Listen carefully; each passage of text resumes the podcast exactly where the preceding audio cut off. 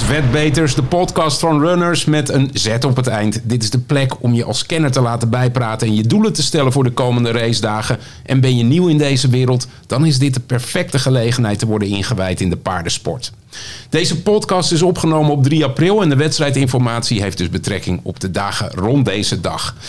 Naast onze vaste rubrieken, zoals de klappers van de week en lezerspost, aan tafel vandaag Ed Quartet. Tof dat je er bent, Ed. Hallo Ludo. En we bellen naar Engeland met experts Vincent en Nelson voor hun tips. En we spreken met paardentrainers Bas Krebas en André Bakker.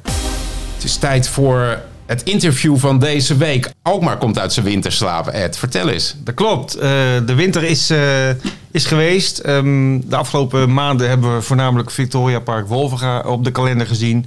Die eh, hele leuke, mooie meetings hebben georganiseerd. Maar zoals in de meeste landen waar draf en rensport wordt beoefend...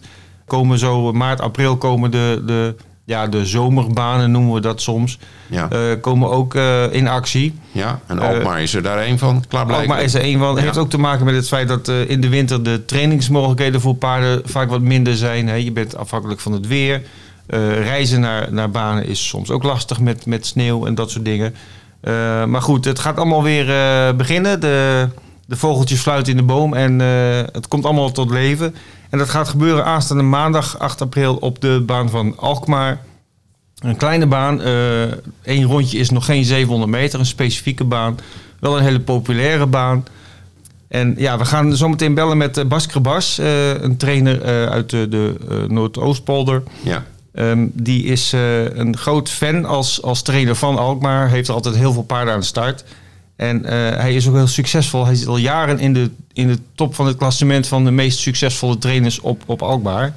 En we gaan zo even bellen met, uh, met Bas om te kijken hoe hij aankijkt tegen een nieuwe seizoen.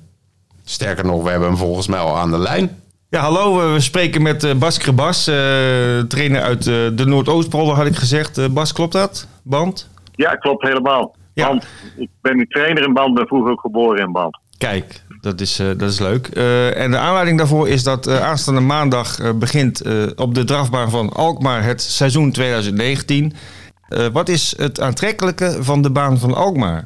Nou, voor mijn paard is het aantrekkelijk. Het gaat niet zo hard als in Wolverga. Dus een paard wat ik wat wil leren of die, die niet zulke zware koersen nodig heeft. Vooral in het begin van het seizoen. Die start ik graag op Alkmaar. Ja. Want een, een, uh, zelfs als je er niet uitkomt in Alkmaar, dan uh, dat is dan, dan jammer. Maar dan heeft je paard meestal niet een zware koers gehad. En als je Wolven gaat koersen en je bent laatste, hij heeft meestal nog steeds een zware koers gehad. Ja. Dus voor de moraal voor de paarden ben ik heel graag in Alkmaar. Ja, want het is ook een hele kleine baan, heb ik begrepen. Ja, ja baan is ik denk dik 600 meter, 6500 meter. Dus je tolt in het. Wat voor het ja. publiek natuurlijk weer heel leuk is. Want die staan echt op de baan. De paarden gaan bijna over je tenen heen. Zo is ja. het. En, en de, de ondergrond van de baan, uh, kun je daar nog wat over zeggen? Ja, die is wat zandig met uh, een beetje filtergrind erdoor. En, en dat is goed voor de paardenbeen hoor. Die, die slijten daar niks op. Nee, dat is heel goed. Ja, jij, jij koerst daar veel. Uh, je bent ook heel succesvol. Welke eigenschappen moet een paard nu hebben om op Alkmaar succesvol te zijn? Nou, het fijnste is als je heel hard kan beginnen, omdat, je, omdat het maar een heel kort rechtstuk is. Je zit natuurlijk zo weer in de volgende bocht. Ja. En daarnaast maakt het natuurlijk een hele goede bocht te lopen. Dat is ook belangrijk. Als je een paard iedere bocht moet steunen, dan heb je niks te zoeken in Alkmaar. Nee. Maar het rare is, wij winnen statistisch bijna altijd het meeste met start nummer 7 op Alkmaar. En het hele paard is binnenkant tweede gelid. Dat zou het allerslechtste nummer zijn, want je, kan, je bent afhankelijk hoe de voorganger voor je wegstaat. Op een of andere manier pakt dat heel vaak goed voor ons uit. Dat is, dat is uh, heel komisch. Ja, dat dan gaan we in Alkmaar 6, ja. Alkmaar gaan er 6 achter de startauto. En dan Ja, dus- staat nummer 6 aan de buitenkant. Dat, dat moet, begin je aan de buitenkant, kom je slecht naar binnen. Dat pakt meestal verkeerd uit. Ja, dan heb je het risico Ja. dat je de eerste bocht nog steeds helemaal aan de buitenkant zit. Ja, precies. En dan krijg je geen positie. En dan moet je meestal terug. En dan op een of andere manier, als je nummer 7 hebt, dan zit je toch al vaak meer voorin. De baan in Alkmaar, eh, gezien eh, het, het totaalplaatje van de Nederlandse drafsport, welke, welke rol heeft Alkmaar? Hoe, hoe belangrijk is, is de baan? Nou, voor de minder goede paarden is natuurlijk altijd maar heel belangrijk. De paarden die niet mee kunnen. Voor, ik vind dat in iedere regio zou er een baan moeten zijn om nieuw publiek aan te trekken. Maar ja, dat is helaas eh, helemaal niet meer zo. Nee, wel een mooie, Dus, mooie, eh, mooi streven inderdaad, ben ik met je eens. Ja, ja zeker. Kijk, en ik sta ook met mijn goede paarden, Paul. Maar om, omdat ik al eerder zei, voor de moraal, dan heb ik een minder concurrentie en dat geeft ze vertrouwen. Hè. Ik had vroeger Braak Vleugel, een heel goed paard. En die liep geregeld een keer op Alkmaar en dan won hij makkelijk. En daarna ging ik weer met hem naar Wolver of naar Frankrijk. En dan liep hij ook alweer heel goed. Ja. Maar de, veel paarden komen, eh, ja, veel van mijn paarden komen die blijven Alkmaar terug, zeg ik maar. Ja, oké. Ja, doen ze meestal niet het achterste van de top te laten zien. Dus toch hou die te- in dat ik continu win, hè. Kijk, ik, ben, ik, ik win natuurlijk lang niet altijd op balk, maar het is, toch- het is toch fijn lopen op de paard. Ja, en eh, misschien is het ook zo dat eh, als je op Alkmaar een koers geeft, dat is dan toch weer voor de conditie een, een betere scherpmaker, zeg maar, dan dat je ze thuis eh, traint. Ja, zeker. zeker. En die mensen die trainen altijd thuis, ik neem ze mee naar Alkmaar en dan maak ik ze daar wel scherp en dan daarna ga ik weer naar een andere baan. Ja, Zeker. zeker. Nou, ik hartstikke- train ze weinig thuis om echt scherp te maken. Dat doe ik dan in het zomerseizoen liever op Alkmaar of op Groningen. nou, je bent al een aantal jaren eh, behoorlijk succesvol, eh, mag ik wel zeggen, op Alkmaar. Eh, wat is nou voor jou persoonlijk een, een overwinning of, een, of een, een paard wat er echt uitspringt dat je zegt van god, daar heb ik zo van genoten toen? Nou, het is meestal Jonker van Nettek die het 50 keer in zijn leven gewonnen van een groot deel in Alkmaar. En ik vind, vind dat paard vond ik altijd magistraal op Alkmaar. Ik heb laatst een aantal koersen van hem teruggekeken. Dan lag hij achterin. Dan denk je, het wordt niks meer. En dan 300 meter dan liep hij het hele veld voorbij. Ja, hij, die had uiteindelijk, misschien heeft hij nog het barenrecord op Alkmaar op 1700 meter. Hij werd nog een keer 2 op de 4,5 kilometer. Hij is, hij is 1 en 2 geweest op 1100 meter. Hij komt alle afstanden op Alkmaar. Banden staat, de auto staat. Nee, dat is echt mijn favoriete Alkmaar paard ooit geweest. En dan, ja, dan weet ik niet eens speciaal welke koers daar. Oké, je noemde net al eh, een, een koers eh, die, waar Alkmaar ook eh, bekend om is. Dat is de 4,5 kilometer van Alkmaar. Zoals de naam al zegt, een, een draverij over eh, ongeveer 4,5 kilometer. eh, die meestal in het eh, naseizoen wordt verreden. Zo september, oktober, dacht ik. Ik dacht dat je die onlangs een keer gewonnen had, of vergis ik me? Nee, nee, vorig jaar hebben we gewonnen met Bunker du Hamel. Dat was heel leuk. Dat is een Fransman, die hebben we anderhalf jaar geleden hadden gekregen van iemand. Die kreeg hem niet op gang. Toen mochten wij hem hebben en die man die zou 10% krijgen van wat hij zou winnen. Nou, hij ging het heel goed doen. Hij liep heel goed op Bolvera, vooral op Bolvera goed. En op een gegeven moment had hij geen koers op Bolvera. En ik zeg tegen Miesje Brouwer, ik zeg, wil je ermee op Alkmaar rijden? Ja, nou, dat wou je natuurlijk wel. En dat was heel leuk. Hij kreeg binnen een ronde, had hij een fout, lag. En dan Miesje reed gelijk weer door. En eh, ja, hij ging het hele veld voorbij, hij won met 15, 20 meter. En die proberen we dit jaar er ook weer aan de start te krijgen. Oké, dus eh, de 4,5 kilometer is, is toch ook wel iets eh, wat, wat op jouw eh, verlanglijstje staat. Je hebt hem nu al een keer gewonnen, maar... Al drie keer gewonnen, geloof ik. Al- Maar het is koers met traditie, hè? Ja. Die, die, de koers met traditie wil je graag winnen. Dat is nog Ja. belangrijker dan de geldprijs. Zo Ja. is het gewoon weg. En het is ook een dag dat het heel erg druk is op Alkmaar. Ja, ja, hele zeker. topdag voor, voor die baan. Nou ja, Ja. we gaan het zien eind van het jaar welke troef van uh, Stalkrebas daar een gooi naar de, naar de bloemen gaat doen. Ja, Ehm, nee, zeker. Wat verwacht jij verder van het seizoen 2019? En met name gericht op, op Alkmaar. Eh, heb jij veel paarden die, eh, die je daar gaat laten lopen? Nou, ik denk wat minder paarden dan andere jaren. Kijk, deze keer had ik twee en ik denk de keer erop misschien vier. Maar er, er komen altijd weer paarden aan de start. Kijk, Hampshire Boker komt nog en Ideaal Boker komt nog. Er komen altijd weer paarden. Rennen heeft Boker zal nog komen, denk ik. En Jelani heeft, eh, heeft Boker. Ja, het zijn altijd weer meer dan je denkt. Maar Ja. Niet, kijk, ik had wel jaar dat ik acht of tien op een avond aan de start had. Dat zal niet meer zo zijn. Nee. En eh, even concreet naar aanstaande maandag, eh 8 april, eh, als Alkmaar begint. Eh, jij hebt, dacht ik, twee paarden ingeschreven. Kun je daar iets Ja, over vertellen? Ja, Ian Stades loopt in de tweede koers met Willem Brouwer. Ian Stades is niet zo makkelijk aan de start. Maar als, eh, als eh, Willem Brouwer wegrijdt, dan eh, kan hij volgens mij niet verliezen. Oh, Zo kijk, dat is nog eens een goede tip voor de luisteraars. Uit eerste hand. Beter kan je het niet krijgen. Nee. En, en je andere Nee. starter? Ja, dat is eh Everglide Rapide. Dat is ook een, een echte Alkmaar specialist. Maar die kan ook heel hard beginnen. Maar heeft twee goede beginners aan zijn binnenkant. En als eh Mats eh, met Everglide niet de kop krijgt, ja, dan zal het wat moeilijker worden om te winnen. Traint wel heel goed. Maar bij Everglide is de start heel belangrijk. Oké. Dat, Nou, goed. dat is echt een frontrunner op Alkmaar. En volgens mij is hij op Alkmaar van kop af altijd nog één of twee geweest. Oké. Ja. Nou goed, in ieder geval hele goede informatie. Ja. hele goede informatie uit eerste hand van de trainer zelf. Beter kan je niet krijgen, denk ik. Daar kunnen de wedders en de, en de luisteraars eh, zeker hun voordeel mee doen. Nog even in het algemeen, eh, eh, ter afsluiting. Ehm, jij als Alkmaar-kenner en Alkmaar-fan, denk ik. Zijn er nog dingen daar waarvan je zegt van... God, dat zouden ze eens kunnen verbeteren of veranderen? Heb je nog suggesties? Nou, nee, ik ben tevreden zoals het daar gaat. Kijk, iedereen moet roeien met de middelen die je hebt en met paarden. De startmogelijkheden zijn altijd goed. Ik heb daar geen klacht over. Ja, en de programmering? Ik ben een eh, tevreden trainer. programmering van de koersen, heb je daar nog dingen dat je zegt van god? Nee, daar heb ik nooit geen moeite mee. Want sommige mensen zeggen, ik heb mijn paarden niet aan de start krijgen. Nou, ik heb mijn paarden altijd Ik heb geen moeite met de programmering zoals die gemaakt wordt. Ja, dan ehm, zou ik zeggen, Bas, eh, heel veel succes maandag in Alkmaar met Ian Stardust en Everclyde Rapida. En de, ja, de luisteraars die hebben opgelet, die gaan natuurlijk eh, een leuke weddenschap plaatsen aanstaande maandag. En dan wil ik je heel erg bedanken voor dit, eh, voor dit gesprek. En eh, we gaan je later in het jaar vast nog wel een keer spreken. Is goed, geen probleem. Oké, bedankt. Tot zover Bas. Krabas. Dankjewel. En dan de hoogtepunten en voorbeschouwing van komend weekend. We blikken vooruit naar de Grand National. Het driedaagse paardensportevenement dat sinds 1836, officieel sinds 1838, gehouden wordt in het Engelse, ik hoop dat ik het goed zeg, Aintree, nabij Liverpool. Klopt. Ed, vertel eens, want dit, dit is echt een race. Ja, Ja, het is, het een, iedereen- het is een historische race, eh, bekend in heel de wereld. Eh, wat jij zegt, hè, sinds eh, begin eh 19e eeuw wordt hij al eh, gehouden. Dus dat gaat over niet al te lange tijd, eh, 200 jaar geleden, worden Ja. dat hij voor het eerst verreden is. Ja, een, een heel aansprekend evenement in Engeland en ook verder buiten. En ik heb eh, even in de geschiedenis gedoken van de Grand National. Ja, Eh, en ik ben daar wat opmerkelijke zaken tegengekomen. Ja, nog, nog heel even, Ed, want eh, ik begrijp, het is een handicap race voor paarden van zes jaar en ouder. dat klopt. En waarom, waarom zes jaar en ouder? Wat, Om, nou, het is een hele zware race. Ja. Hij gaat over bijna 7 kilometer. En ja, het is een zware tak van sport, het hindernis springen. En Ja. ja. een paard moet wel fysiek daaraan toe zijn. En ja, een, drie, vierjarige, die kan je dat echt niet aandoen. Ehm, de race vindt plaats op de renbaan eh, in Aintree over een lengte van 4 mijl. Nou, even voor de mensen die niet altijd in mijlen denken, dat is eh, bijna 7 kilometer, 6,9 kilometer ruim. Dat zijn eh, hindernissen waar paarden overheen moeten springen. Ja, vrij grote hindernissen. Ja, dus eh, nou ja, dan, eh, voor, voor de totale onwetende luisteraar... dan heb je een beetje beeld bij, bij hoe het eruit ziet. En, en jij bent inderdaad even de geschiedenisboeken ingedoken. Ja, ik, ik heb eens gekeken van wat, wat zijn nou opmerkelijke feiten rond Leuk. die Grand National. En ja, succes is altijd aantrekkelijk. Ik heb even gekeken naar wat nou het bekendste paard is uit de Grand National. En dat is toch wel het paard Red Rum.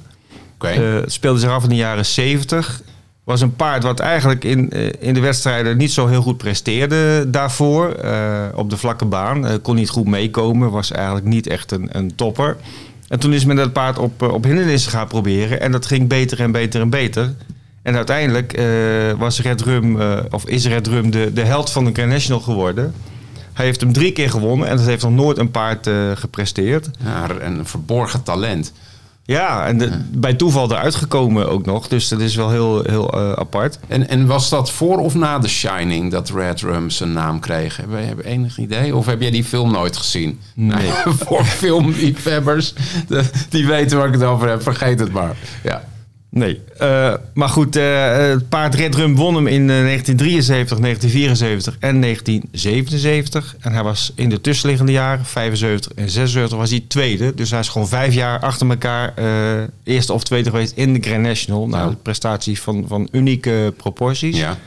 Het paard is eh, in 1995 eh, overleden op 30-jarige leeftijd. Eh, ouderdom, natuurlijke oorzaak. En eh, het grappige is, ze hebben een Red Rum, het paard, begraven op de renbaan 1-3. Ja, ja. Ik dacht zelfs in de, in de buurt van de finishpaal. En die plek trekt nog steeds veel fans. Eh, het, is, ja, het is nog steeds een iconische naam voor, voor eh, liefhebbers van deze tak van eh, paardensport. Ja, ja. Ben je er zelf wel eens langs geweest? Nee, ik ben er helaas nog niet geweest, maar Nee. het schijnt wel echt iets bijzonders te zijn. En andere dingen die jij nog tegenkwam? Ja, ik kwam een leuk verhaal tegen. Dat speelde in 1967. Iets heel aparts. Ehm, dat gaat om het paard Foy Navon. Ik hoop dat ik het goed uitspreek. Die deed mee aan de Grand National, maar ja, was eigenlijk vrij snel al eh, ver in de achterhoede. Kon eigenlijk het tempo helemaal niet volgen. Eh, maar er waren al een paar eh, paarden die hun rijder hadden verloren op een hindernis. En één paard wat zonder rijder nog meeliep, die besloot bij de 23e hindernis om eens dwars door het veld te gaan banjeren. En dat ging niet goed. Eh, het grootste deel van de, van de deelnemers kwam ten val of verloor eh, de jockey. Ja.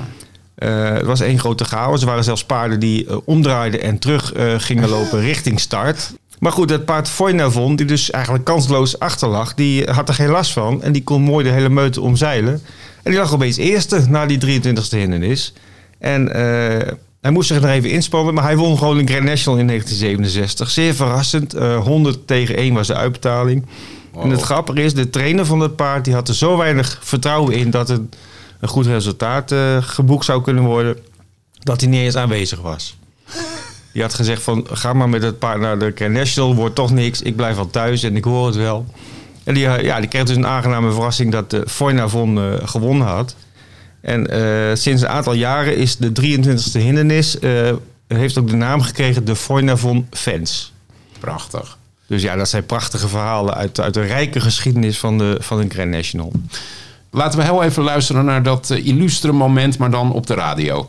and he's been and Rutherford has been hampered and so has Castle Falls. Rosetta has fallen, Principal has fallen, Norther has fallen, Curtin Lad has fallen, uh, the Fossa has fallen. There's a right pile up. Leedsy has uh, climbed over the fence and left his jockey there. And now with all this mayhem, Foynaven has gone off on his own. He's about 50, 100 yards in front of everything else. They're all pulling up, having a look now to see what's happening at the fence. Ozzy is Dat was 1967. eh, andere tijden, maar nu terug naar de onze. We gaan naar eh, Vincent. Want Vincent die zit niet in de studio, maar dit keer gewoon aan de telefoon. Hallo Vincent, ben je daar?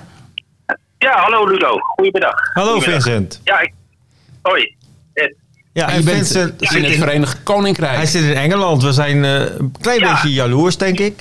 Ja. Ja, ach, ach.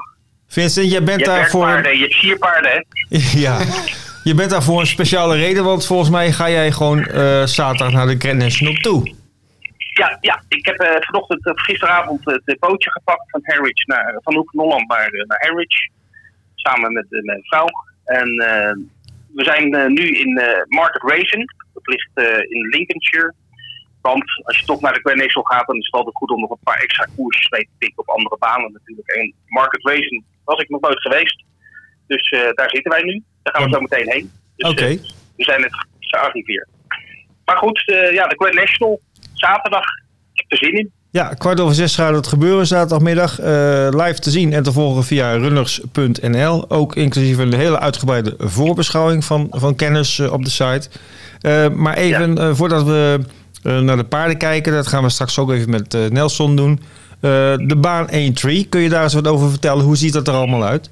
Eh, ja, Aintree is, eh, ligt in Liverpool. Dat, eh, laat ik dat voorop stellen. Dat maakt het ook een beetje bijzonder, omdat mensen uit Liverpool, hè, de Liverpudlians of de Scousers, dat is een beetje wat, wat ruwe bolsterachtig eh, eh, inslag hebben ze daar. Dus nou, die gaan in grote vertalen natuurlijk altijd naar de baan toe. En dat maakt het een beetje, een beetje voetbalsferen ook wel. En, Oké. en, en veel korte hokjes en, en, en dat soort dingen. Jij zegt Eh, grote... Een beetje een tikkeltje ordinair, zullen we maar goed, dat, dat eh, maakt het wel, eh, wel erg, erg leuk om, om op de baan te zijn. Jij zegt grote getalen. Hoeveel mensen moet ik dan aan denken? Hoeveel, hoeveel publiek is er op, ja. op zo'n zaterdag? Ik heb het niet helemaal paraat, maar als ik het moet schatten, dacht ik dat zo rond de, tussen de 70 en 80.000 mensen. Zo. En dat komt dat ze, want Aintree wordt ook, het zijn ook normale koersen. eh, hè. ze hebben ook wel meer koersdagen in dit jaar. Niet zo heel veel, maar wel een aantal. Maar dit is verreweg het belangrijkste. Maar op deze dag dan gooien ze ook extra tribunes, eh, maken ze erbij. eh, aan de zijkant. En dan, dat noemen ze dan de First eh, tribune. Ja. En daar dan kunnen ze extra, dat zijn de goedkope plekken. En dan, dan kunnen nog een paar duizend man en vrouwen en kinderen kunnen daar naar, naar de race kijken. Oké.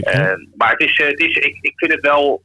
Aintree is eh, voor een baan die eigenlijk per jaar maar. Ja, volgens mij hebben ze maar vier race per jaar of zo. Waaronder dit, zeg maar, dit weekend.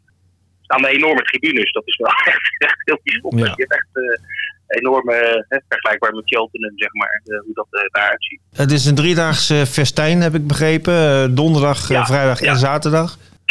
De, ja, de, de meeste. Zeg maar, de grote evenementen in Engeland zijn bijna altijd wel meerdere dagen. Ja. En, en een van die dagen heet dan altijd ook Ladies Day. Dus dat hebben ze hier ook. Dus dat reflecteert ook wat hij eerder zei over de, eh, over de hakken en, en de korte rokjes. Oké. De, de meisjes. En op welke dag Eh, zijn de meeste korte rokjes dan te zien, eh, Vincent? Op vrijdag, maar, eh, dus, maar daar ben ik er niet helemaal. Oké. nou, maar je, je hebt je vrouw bij je toch, hoorde ik? Ja, precies. Ja, dan is het duidelijk. dus nee, zaterdag gaan we naar de, naar de race. En, ja, kijk, ja, dit, is een, ja het, is, het is een aparte belevenis. Het is, het is, het is, ja, eh, het is de, de grootste wedrace eh, eh, in Engeland, zeg maar. Eh, en, en iedereen zet er ook op in. En zit voor de buis gekluisterd. En, eh, of, of ga naar de baan toe. Nou goed, ik ben gelukkig ga ik dit jaar weer eh, de eerste keer kijken. Dus dat is hartstikke leuk. Ja, dus de eerste keer überhaupt dat je daar bent. Dat je erbij bent. Nee, ik ben vaak. Nee, ik ben vaker. Ik ben Ah, Nessel, dit is de derde, derde keer. Eerste. Oké. Hey, maar was je vorig jaar bij, Vincent? Nee, Ja. Nou, maar ik weet wel wie er gewonnen heeft. Zullen we even Ja, gaan luisteren naar dat fragment van eh, 2018? Ja, dat komen we even in de stemming. Hartstikke. The diminutive Tiger Roll cinches a place in history. Pleasant Company in second. Bless the Wings and Annabelle Fly. They're finishing well strung out. But is Tiger Roll for Gordon Elliott? And is the long wait for National Win about to end for Davy Russell? Pleasant Company's coming back. Tiger Surged at him late on. Bless the Wings and Annabelle Fly. It's tight third and fourth. Milan's Bar Bridie Frost home in fifth. Dat was hem. Ja, mooi. Tiger Roll. Ja, het is altijd leuk, hè? Je hebt in, ehm, dat zal je zaterdag ook zien voor degenen die gaan kijken en eh, spelen, uiteraard op uh, runners.nl. heb je nog een leuke Nou, outsider als tip eh, dit jaar? Nou ja, vanochtend vroeg, eh, we kwamen de boot af en eh, het eerste wat ik eh, tegen mijn vrouw zei, ik moet wel even een Racing Post kopen. Dat is natuurlijk het belangrijkste onderdeel van de dag. En eh, er stond een mooi artikel op de voorpagina over een paard eh, die nu nog niet eh, bij de eerste 40 zit. Er doen 40 paarden mee eh, aan de Grand National op, handicap, op handicapbasis. Ja. maar als paarden worden, zeg maar de laatste inschrijving niet halen, dat ze uitgeschreven worden, dan komen paarden die nu op plek 41, 42, 43 staan, die komen alsnog, worden die toegevoegd. Ja. En één paard daar, waar het over gaat, dat is Joe Farrell van de trainer de Rebecca Curtis. En dat paard dat staat nu op nummer 41, maar de kans is zeer groot dat hij wel kan starten, omdat ze verwachten dat er nog een aantal paarden uitvalt.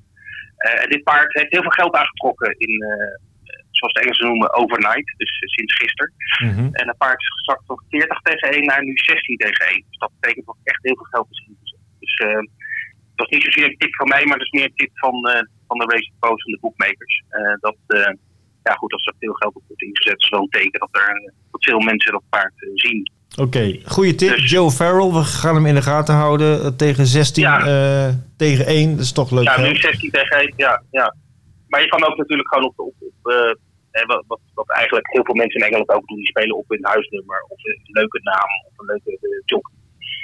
Of, iets, of, of dat ze iets gehoord hebben in dit nieuws wat slaat op de naam van het paard. En dat volgens mij ook niet dit nieuws. Maar ik hoorde dus voordat ik wegging op Radio 2 maandagmiddag een, een nummer eh, op de radio. eh Rock de Kesba. En eh, ja, weet je, die bedoeling. Ja. Nou ja, weet je, dat hoor je op de radio. Je weet ook dat het paard loopt. Eh, eh, nou, dat, dat- ja, dat, daar moet je, ha daar, daar Daar moet je wat mee. Ja. Daar moet je wat mee, precies. Dus, eh, nou ja, goed. Dat is meer, dus geen echte tip, maar dat is gewoon. Soms moet je ook gewoon eh, eh, eh, als wedder, eh, zeker in dit soort koersen, ga af en toe gewoon op je gevoel af. ja. Wie Maar ga goed, je, wie eh, ga je de- spelen zaterdag verder? Die ga ik spelen. Nou ja, goed. Ik, ik, ga, ik ga een paar puntjes op Joe Farrell zetten en op uh, Rock de Kespa. Ja. Eh, ik denk dat ik, ja, Tiger Roll is gewoon een heel waanzinnig paard. Dus ik denk dat ik daar de, de, de duo's uh, uitspeel. En, uh, het, en, ja, kijk, de Grand National vind ik ook een race waar je makkelijk ook wel meerdere paarden kan spelen. Niet gewoon één paard in de plaats spelen, maar dus pak er gewoon twee of drie. Dat doen heel veel mensen uh, op de baan. Dus ja, de laatste, ik denk dat we dat gewoon even overlaten aan, aan, aan, aan mijn instincten, zeg maar, op de dag zelf. Uh, ik vind het ook wel leuk om even de paddock te kijken vooraf, natuurlijk als de paarden getoond worden aan het publiek. En uh, ik heb altijd het gevoel dat het paard, ik zeg dat het eerste paard wat me aankijkt, spelen. Oh. En dan, dan kijkt er eentje aan, maar dat voorlopig, daarna kijken er 38 anderen me ook aan. Dus ja. maar weet je, dat soort dingen spelen Goeie gewoon tactiek. Of, of dat je, ja. Ja, of, of een andere tactiek is ook, hè, dat, dat, wat, wat sommige willers ook wel doen als ze dan weg zijn naar de, naar de, naar de baan, naar de Grand National. En dan komen ze op de snelweg komen ze dan een, uh, een horsebox uh, tegen van een bepaalde trainer die ook onderweg is. Nou ja, dan moet je die ook spelen, weet Ja. je wel. Ja. Dat, dat, dat, uh, dat, dat soort bijgeloof dat speelt altijd wel een rol uh, in het leven van een paard. We gaan met z'n allen heel erg genieten dit jaar van de Grand National 2019. Aanstaande zaterdag te zien en te volgen bij Runners. Eh, de race wordt gelopen rond de klok van kwart over zes Nederlandse tijd. En dan eh, sta jij, Vincent, waarschijnlijk langs de baan met een, met een ale in je hand eh, of iets anders eh, waarschijnlijk. eh, te genieten van top paardensport in Engeland. Dankjewel, Absoluut, Vincent. Ja, graag gedaan. En aan de lijn is inmiddels Nelson, onze correspondent in eh, de UK. Nelson, welkom. Hallo Nelson. Goedemiddag, heren. Goedemiddag. Ja, Nelson, eh, we gaan naar de Grand National eh, van 2019. Ja, geweldig. Wat, vertel eens, eh, wat, wat is dat voor, voor evenement? Nou ja, het is, het is een driedaags evenement op de baan van 1-3 onder de rook van Liverpool. Ja, met de Grand National als apotheose natuurlijk op zaterdag om kwart over zes Nederlandse tijd. Maar de, de, de dagen daarvoor en de dag van is, is van een geweldig niveau.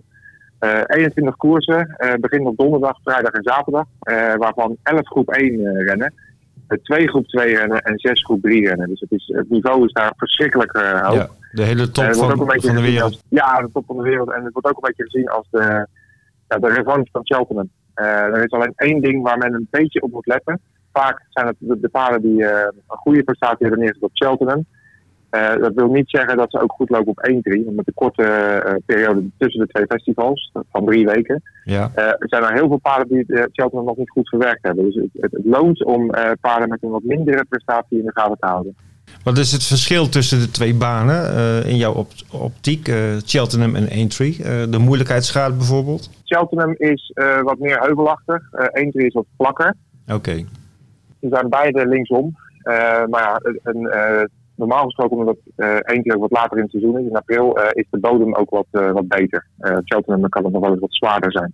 Ja, dus Cheltenham is wat meer voor de krachtpatsers onder de paarden. Ja, de krachtpatsers en ook de, de, de finish. De finish op Cheltenham vanaf de, de laatste 200 meter is geloof ik 20 meter omhoog. En op 1-3 is het gewoon een vlakke baan. We gaan even kijken naar de, de paarden die dit jaar een gooi gaan doen naar de, naar de eeuwige roem, mag ik wel zeggen. Want ja, ik denk als je de Grand National wint als, als paard en als eigenaar en als trainer en zelfs als jockey, eh, dat is toch wel iets heel bijzonders in, in Engeland. Ja, dat absoluut. Dat is eh, inderdaad eeuwige roem.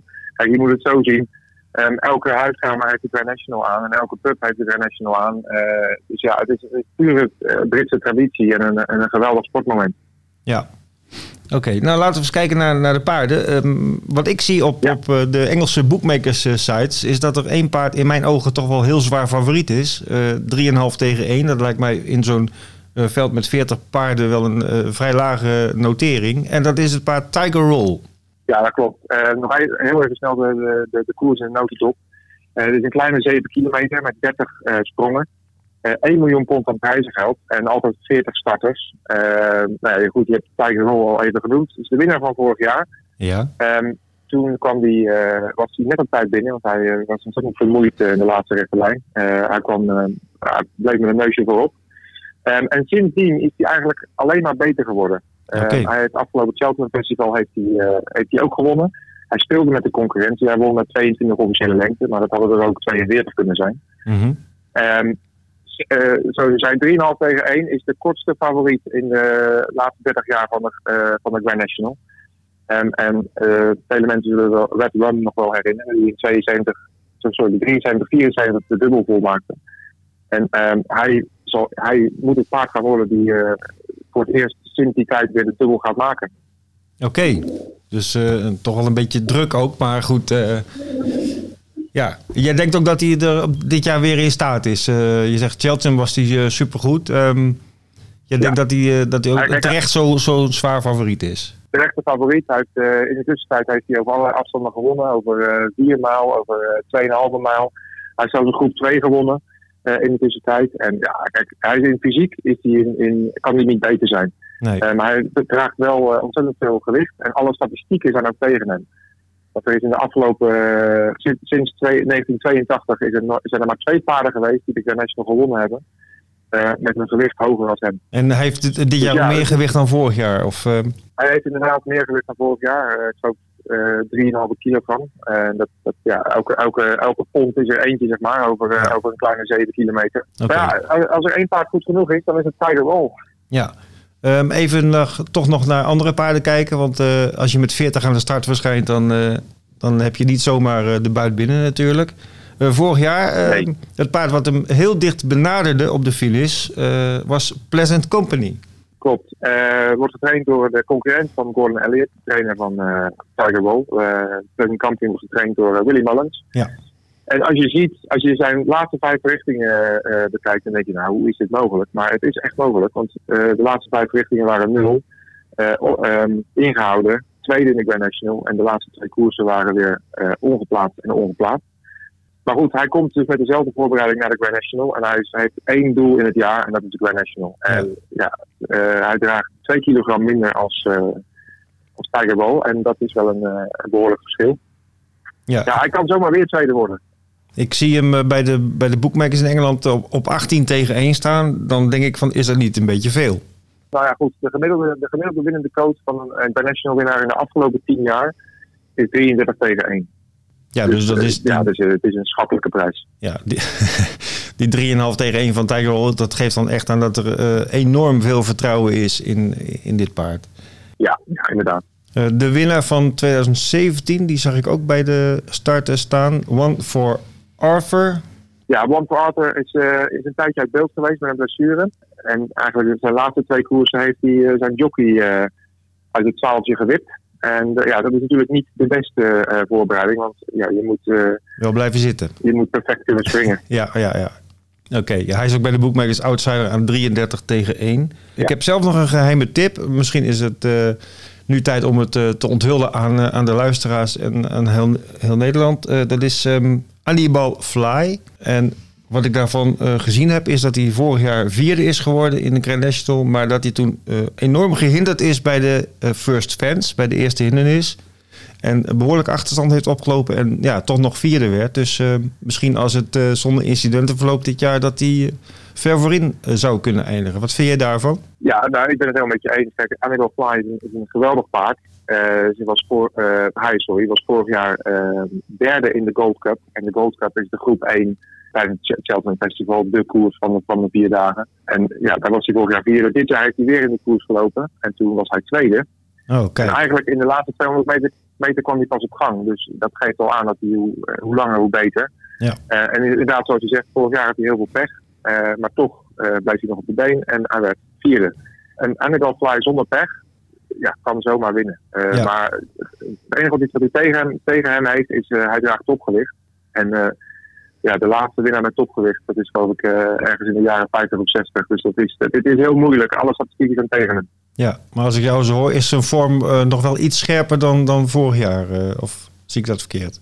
Ja, veel, veel scherper. En je moet het zo zien. De paarden hoog aan het gewicht, dat zijn echt dat zijn de klasbakken. En de paarden onderaan het gewicht, dat zijn ja, de outsiders, zo, zo te zeggen. Want het is, de, de, National wordt gereden in handicapverband. Dus eh, ja, het vers- gewichtsverschil maakt ontzettend veel uit. Maar ja, Annibal Fly is, is misschien wel eh, het beste paard in de koers. Ja, even tussendoor. Kun je dat misschien even heel kort uitleggen voor mensen die eh, niet weten hoe het werkt? Het handicap-verhaal, hoe, dat- hoe dat precies in zijn werk gaat in zo'n koers als de Grand National?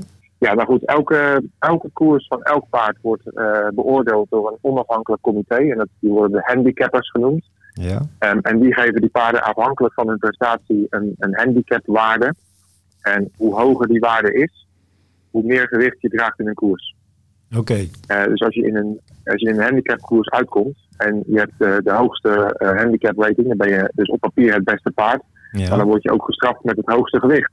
Oké. En voor de mensen die even, even ter visualisatie, een kilo meer gewicht op, op de rug van een paard is hetzelfde als een lengteverschil over de mijl. Dan zou je dus kunnen zeggen dat in theorie wil die handicapper dat alle paarden gelijktijdig over de finish komen. Daar wordt een beetje naar gestreefd. Of zie ik dat verkeerd? Ja, klopt. Daar, daar, daar, daar wordt, dat, dat is wel het doel, ja. Oké. Okay. Nou goed. Uh, ja, ik vond het wel een uh, goede vraag. Want ik denk dat uh, veel luisteraars niet precies weten hoe dat in elkaar steekt. Dan gaan we even door naar, nee. de, naar de deelnemers. Um, ja, ik heb een leuke naam gezien. Uh, iets, een naam die ik van, van uit mijn jeugd nog ken. Dat, uh, dat paard heet Rock the Cashba. En uh, even kijken. Ook van Philip Hobbs is die.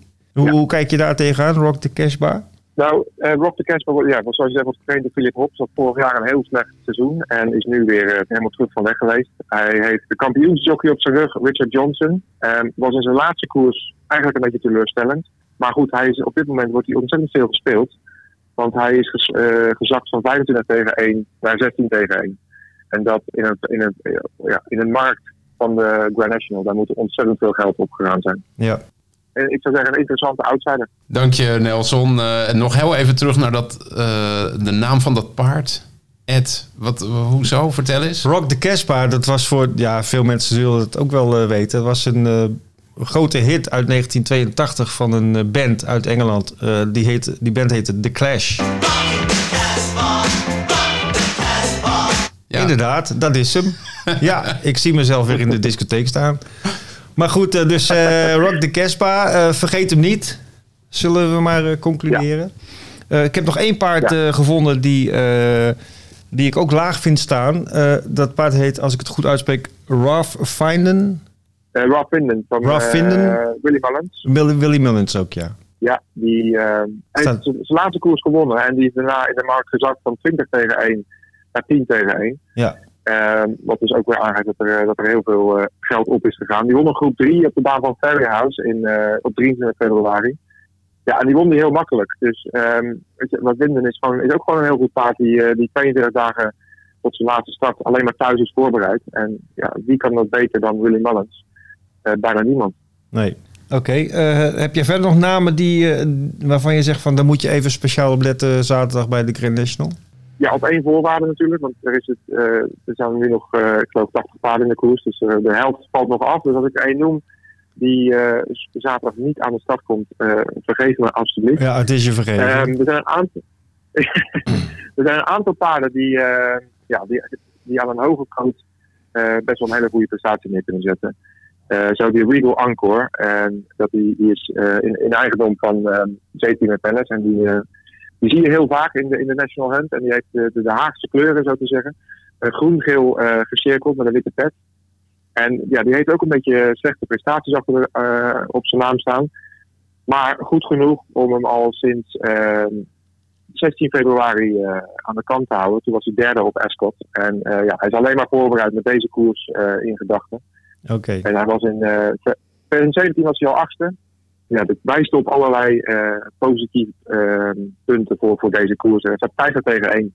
Ja. Als je niet te veel in wil zetten, dan kan je gewoon eh, voor, een, voor, ja, voor een paar euro kan je gewoon leuk, leuk meekijken. Hij kan de afstand aan. hij kan springen. Ik hij zie hem. Ik zie hem hier zelf staan voor eh, 66 tegen 1 op dit moment. Dus als die het mocht winnen en je hebt er wat opgezet, dan heb je een goede, goede zaterdag. Ehm, hoe gaat het trouwens in zijn werk? Want ik, ik heb gisteren geteld, er waren nog 69 paarden eh, die ingeschreven stonden. Er mogen 40 meedoen. Hoe, hoe wordt dat geselecteerd? Nou ja, de, de, de 40 beste paarden, eh, dus de, veer- de, de 40 paarden met de, met de hoogste handicapwaarde, eh, die blijven dus in de koers.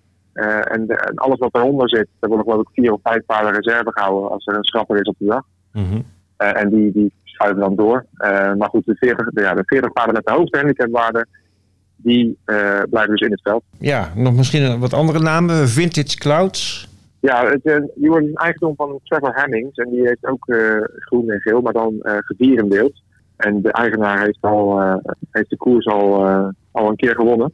Hij heeft twee paarden in deze koers, Vintage Clouds en Warriors Tail. Eh liep een geweldige koers op Cheltenham. En eigenlijk achter het paard welke mij een heel goed Cheltenham Festival bezorgde, de Red Bear. Mhm. Ehm, hij was derde in, in, in een groep 3 handicap. En ja, Vintage Clouds kan, kan van kop af een koers beslissen. En dat is essentieel in een Grand National. Want als je aan kop ligt, blijf je uit de problemen. Dus je moet, als je met 40 paarden op, de, op, een, eh, op een obstakel afremt. Ja, en er valt er één naast je of voor je. En dan ga je zelf ook gewoon naar beneden. Dus dan buiten je schuld om, dan ben je gewoon uit de koers. Ja. Vintage Clouds kan, kan dus de kop nemen, zijn eigen tempo bepalen. En dan als er een mooi ritme komt, dan kan hij zo naar huis lopen. Dus ja, ook een gevaarlijke outsider. En eh, er is ook al heel veel geld voor gekomen, want hij is 25 tegen 1 en dat is nu eh verdwenen naar 14 tegen 1. Ja, ik heb hem meer zelfs 12 tegen 1. Nou, eh, het wordt volgens mij een prachtige Grand National dit jaar. Met, ja, zoals gezegd, een torenhoge favoriet. Ja, we gaan denk ik allemaal kijken. eh het zij via Runners, het zij via andere kanalen. Als je in Engeland bent, dan denk ik dat je het niet kan missen op de, op de televisie. Nelson, hartstikke bedankt voor je, voor je tips en voor je informatie. En we spreken je Graag de volgende keer. Ja, de vrijdag en de zaterdag zullen natuurlijk eh, uitgebreid worden voorbeschouwd op runners.nl. En ehm, alle afspraken tussen 6 uur en half 7 op zaterdagmiddag moeten worden afgezegd. Om Afgezegd. kwart over 6 valt Ja. het startschot in Nederland. Hartstikke goed. Dat is nog eens een goede tip. Zorgen dat Ja. je thuis bent. Dankjewel Nelson Longshot voor deze keer. Oké heren, tot volgende keer. We kijken naar de meest opzienbarende weddenschappen van afgelopen week. Kleine bedragen, grote uitkeringen, dat zijn natuurlijk de leukste. Ehm, Ed, vertel eens, eh, wat ben je tegengekomen op eh, de klappers van de week? Ja, nou, we hebben afgelopen week een hoop klappers eh, gehad. Ah, mooi. Ehm, er zijn, er zijn te zien op de site van runners.nl onder informatie staan ook alle klappers van de afgelopen week vermeld. Mhm. Eh, het is deze week een, een behoorlijke lange lijst. En soms ook mensen die eh, aardig eh, inzetten, aardige bedragen inzetten en dan grote bedragen winnen. Maar de kunst is natuurlijk om klein in te zetten en groot te winnen. En daarvan heb ik een paar gevonden die, die eruit springen. Ah, vertel. Wat te denken van op 29 maart, dat was afgelopen vrijdag, ehm, een V65 eh, gespeeld in Zweden. Daar moet je dus van zes koersen de winnaar eh, zien te raden. En als je alle zes de winnaars hebt, dan, eh, dan doe je mee voor de grote pot. Dat is iemand gelukt, een klant van Runners. Eh 8,64 euro was de inzet en de uitbetaling was 842 euro. Dus gewoon Wow. 100 keer de inzet. Ja, lekker En hoor. dan begin je leuk aan het weekend als het op vrijdag gebeurt. Eh, een dag later was het weer raak eh, vergelijkbaar. Een kwartet werd gespeeld. De eerste vier paarden dienen dan in de juiste volgorde voorspeld te worden. Iemand deed dat met succes. 6 euro inzet en 692 euro werd er aan de betreffende persoon uitgekeerd. Dus die is ook eh, lekker begonnen zaterdagmiddag. En gisteren nog, heel recent, eh, een trio op de baan van Musselburgh in Engeland. Eh, 7 euro slechts werd er ingezet. En de uitbetaling was 582 euro. Dus ja, je kan heel, heel leuk, kan je met een inzet van een paar euro toch eh, 100 keer je inzet eh, terugwinnen. Ja, blijkt wel. Ja. dus ja, dat zijn eh, leuke, leuke momentjes. Het is tijd voor Lezerspost. Deze week komt de Lezerspost van luisteraar Kees. Hij deed dat door een mailtje te sturen naar wetbeters.runners.nl. Bedankt daarvoor, Kees. Eh, de vraag van hem was: kan een paard bij geboorte al draven? Of moet dat worden aangeleerd? Eh, en daarvoor aan de lijn hebben Ed en ik niemand minder dan André Bakker. André, welkom. Hallo André. Hallo. Fijn dat je er bent. Eh, Ed heeft een aantal vragen en eh, ja, we, zitten, we hangen vanaf nu aan je lippen. André, eh, luisteraar Ja, Kees die, die vroeg inderdaad van... kan een paard bij de geboorte al draven? Nou, dat is- lijkt me een hele duidelijke vraag. Hoe zit dat met, met dravers? Dravers kunnen zeker als, eh als veulentje al draven. Oké, en hoe, hoe komt En, dat? eh, dat, dat Nou ja, dat is genetisch bepaald. eh, dat, eh, dat kunnen ze gewoon. En eh, de galopperen kunnen ze dan ook wel. Alleen eh, ja, dat draven heeft wel eh, de overmoot, zeg maar. ja, oké. En Dus even een is- hele naïeve vraag van mij. Maar wat is nou het verschil tussen draven en galopperen dan? Ja, draven is eh, in, de, in de dravenstak een, een snellere gang dan galop. En Ja, ja. In, de, in de rensport is een galop een snellere, een snellere gang dan in de draf, zeg maar. Oké. En eh, ja, ja, draven is een tweetakt en galop is een, eh, nou, drie, drie takt of één takt, zeg maar. Ja, Dus dat is, eh, dat- ja, voor dravers is natuurlijk een galop, of, galop een mindere gang. En eh, daar worden ze ook op gefokt. Nou ja. is, is galop ook een, een, een makkelijker gang voor, voor een paard eh, in, in het algemeen? Ja, dat Want, wel. want ik Dat, zie wel eens in de eh, draverij...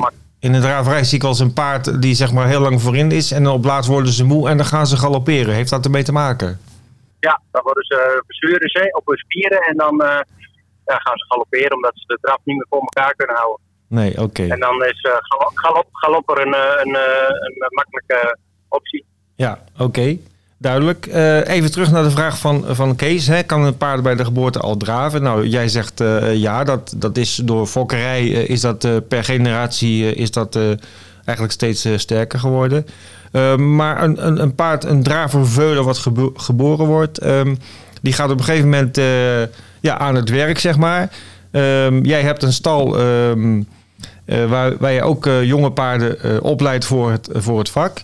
Dat is een van jouw, eh, van jouw eh, kwaliteiten van jouw uh, entrainement. Kun je eens vertellen hoe dat een beetje in zijn werk gaat? Je krijgt een draver aangeboden. Die, hoe oud zijn die dan als ze bij jou komen voor, voor het beleren? Meestal zijn ze anderhalf. Anderhalf jaar Van de veiling af. Ja, anderhalf jaar oud. En eh, meestal komen ze van de veiling of van een eh fokker. Ja, En dan, eh, nou ja, dan begin je met eh, ze een beetje single mak maken, tuig op en de staatriem. En eh, nou ja, dat laat je ze een beetje aan wennen.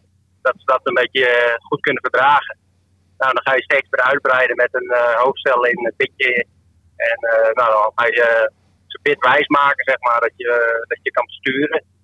Ja. En als je ze, zeg maar zover hebt dat je, dat je ze nou ja, kan sturen, dat je weet dat je links en rechts kan, dan lopen we er dus achter met, met lange lijnen. En dan, als je dan rondjes kan sturen en een beetje kan zigzaggen en je weet dat ze nou ja, goed, kunnen, goed kunnen sturen, dan eh, eh, spannen we aan, klikken we ze achter voor de kar. En dan, eh, ja, dan gaat het eh, gebeuren om eh, voor het eerst voor de kar te gaan. En, eh, Ja. dat heeft soms, soms wel eens wat spektakel, maar eh, tegenwoordig valt het spektakel eigenlijk wel mee. En dan zijn ze heel braaf, van je ze in en rijden zo, rijden zo mee weg. En dan doen ze eigenlijk eh, geen gekke dingen meer. Nee, accepteren jonge paarden het allemaal zomaar? Ik bedoel, een bit in, dat is toch wel iets wat, wat heel vreemd voor ze is. Ja, nou, de, de, de single wijs maken, dat, eh, ze willen daar nog wel eens. eh, dat doen we ook heel vaak. een, single, een singeltje om en dan staat hij maar aan. En dan gooien we ze naar buiten toe. Dat ze de vrijheid hebben om even te kunnen bokken. Ja. Om even ja, de benen te strekken. En ja, dat gaat meestal gaat het wel goed. En eh, dat, dat is bijna geen probleem meer. Tegenwoordig ja, draven ze eigenlijk zo ook weg voor de kaart. Doen ze geen gekke dingen meer. Nee. Singlewijs, dat is zeg maar een, een band, een leren band om hun, om hun middel, zo kan, kan je misschien omschrijven, waar dan uiteindelijk eh, later de sulky aan vastgeklikt wordt. Klopt. Het is, eh, het is een, eh, je krijgt dan een tuig op en er zit er een single aan om, om, om de buik vast, te, vast te maken. En ja, dan komt dan op een gegeven moment komt daar de, de kar aan vast. En ja, die houdt die kar zeg maar ja, aan het paard. Ja. Dus het is hetzelfde, hetzelfde als een zadel, dat er een zadel bovenop een paard gegooid wordt. Eh, ja, die moet ook een single om, anders glijdt het zadel eraf.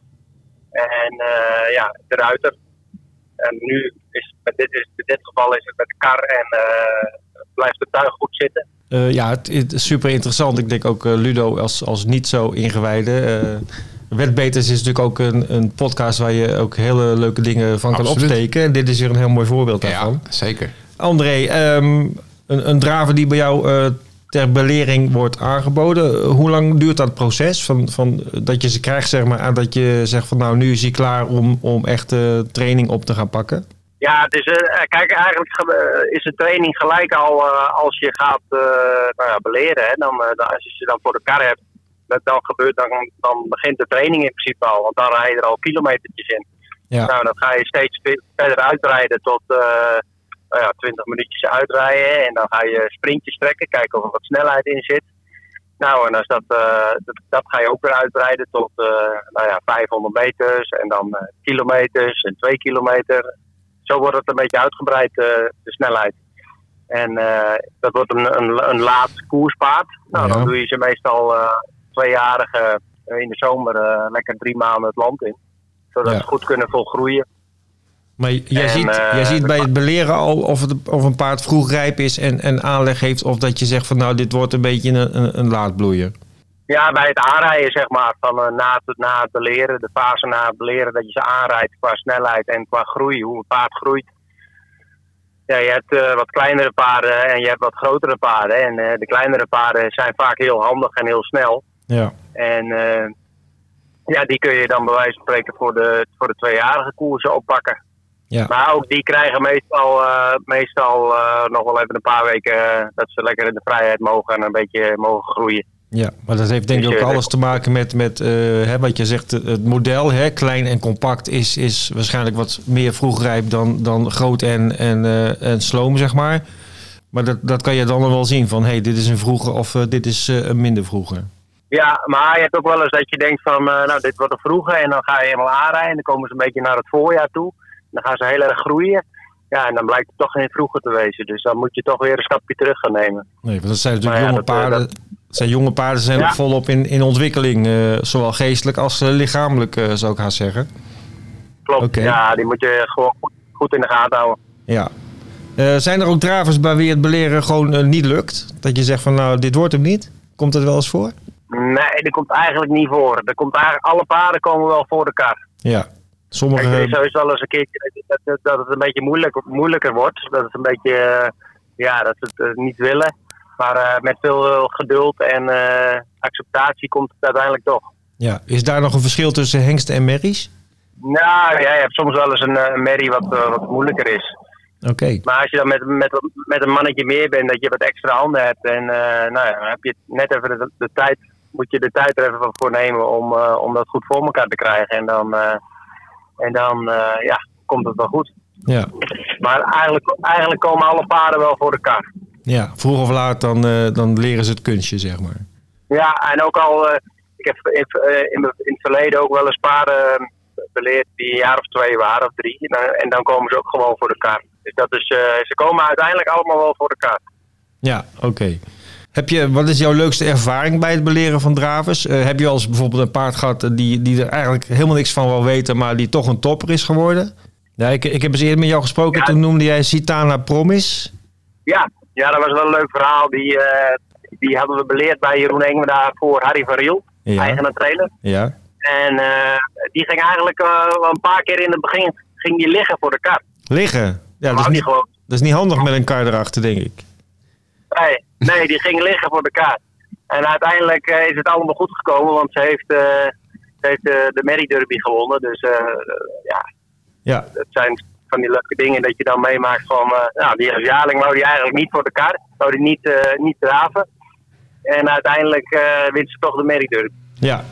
Ja, dat is wel een, wel een leuk verhaal. Dus eh, misschien ook voor andere mensen die dit horen, eh, niet te gauw opgeven. Want eh, soms zijn paarden die als, in het begin heel dwars zijn, misschien toch wel de kampioenen van de toekomst. Ja, zo is het. Zo is het. Maar dat zeg ik van nu tegenwoordig is er bijna geen problemen meer met, met beleren. Als je gewoon de tijd ervoor neemt en, en ze goed bitwijs maakt, dan, dan rij je er zo mee weg. Oké. Nou, en ehm, hè, wat ik in het begin al zei, mensen kunnen bij jou terecht als ze paarden hebben die eh, beleerd eh, moeten worden. Jij, jij bent er een beetje in gespecialiseerd. Eh, dus nou ja, hartstikke leuk om even een blikje te hebben op deze manier in de, in de ontstaansgeschiedenis van, van een drafcarrière. Hoe het begint met zo'n paard. En ja, ik wil je heel erg bedanken voor dit leuke gesprek, André. Jullie ook bedankt voor de, aandacht. Dankjewel André. Heb je ook een vraag waarvan je denkt dat een expert die het beste kan beantwoorden? Stuur dan een mail naar wetbeters.runners.nl Dit was de vierde aflevering. Hopelijk ben je helemaal klaar voor de komende racedagen. Ed, heel erg bedankt. En- Graag gedaan. Ja, en voor eh, ook heel veel dank natuurlijk aan Vincent, Nelson, Bas en André voor hun interessante bijdrage. Ben je helemaal nieuw en wil je een keer kennis maken met wedden op paarden, dan ligt er een mooie bonus van 25 euro voor je klaar op runners.nl. Graag tot een volgende keer bij Wetbeters. Tot de volgende keer.